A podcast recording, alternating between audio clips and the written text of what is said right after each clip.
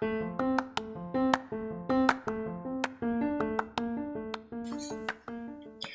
5 Kajian Pustaka Bab 2 merupakan bab yang direkomendasikan untuk dikerjakan paling awal setelah menentukan ide penelitian atau rumusan masalah dalam tugas akhir. Secara umum, bab 2 berisikan tentang kajian pustaka, literature review, atas grand teori, dan penelitian terdahulu yang relevan dengan rumusan masalah yang diambil.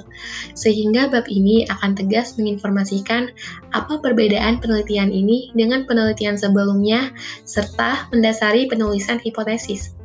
Dalam tugas akhir mahasiswa, banyak ditemukan isi bab 2 lebih banyak terkait dengan definisi-definisi yang umum dan tidak terkait secara spesifik dengan rumusan masalah yang diangkat. Semisal, rumusan yang diangkat adalah bagaimana pengaruh faktor fundamental makroekonomi terhadap indeks harga saham di sektor perbankan. Kemudian, salah satu isi dalam bab 2 adalah pengertian bank, klasifikasi bank, dan lain-lain. Dalam bab 2, sebaiknya dituliskan lebih banyak bagian terkait dengan penelitian-penelitian terdahulu serta grand teori yang terkait dengan rumusan masalah.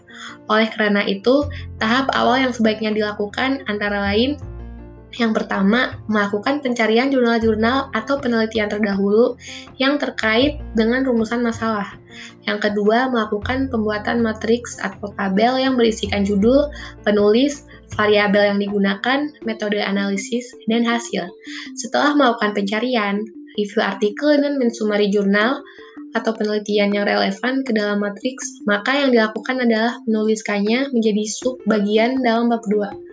Dasar penulisan inilah yang seperti dijelaskan di atas akan menjadi dasar penulisan, penulisan hipotesis serta menjelaskan secara tegas apa perbedaan dan kebaruan penelitian ini dengan penelitian-penelitian sebelumnya.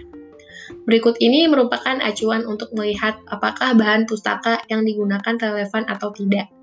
Yang pertama, review apakah rumusan masalah dan tujuan dalam penelitian tersebut sesuai dengan rumusan masalah yang diangkat dalam penelitian Anda. Yang kedua, review model analisis yang dikembangkan dalam penelitian tersebut. Selanjutnya, identifikasi apa sajakah dependen dan independen variabel yang digunakan. Yang ketiga, review hasil signifikansi dan hasil analisis hubungan antar variabel yang digunakan dalam penelitian tersebut. Dan yang keempat, review hasil analisis ekonomi khususnya bagaimana penulis menjelaskan hubungan antar variabel. Secara umum yang dituliskan dalam bagian bab 2 dapat diklasifikasikan sebagai berikut. Yang pertama, bagian pendahuluan.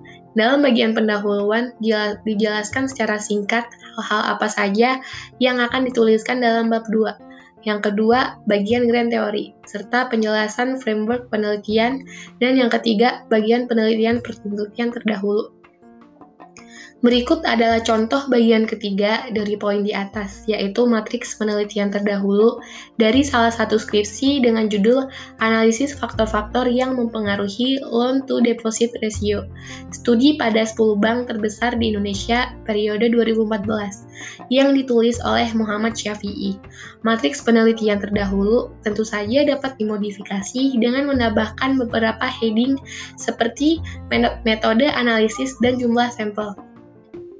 Namun pada intinya, matriks penelitian terdahulu ini ditunjukkan sebagai informasi yang memperkuat logika, dugaan sementara atau hipotesis, pemilihan variabel analisis, serta informasi atas kebenaran novelty dari penelitian skripsi yang dilakukan.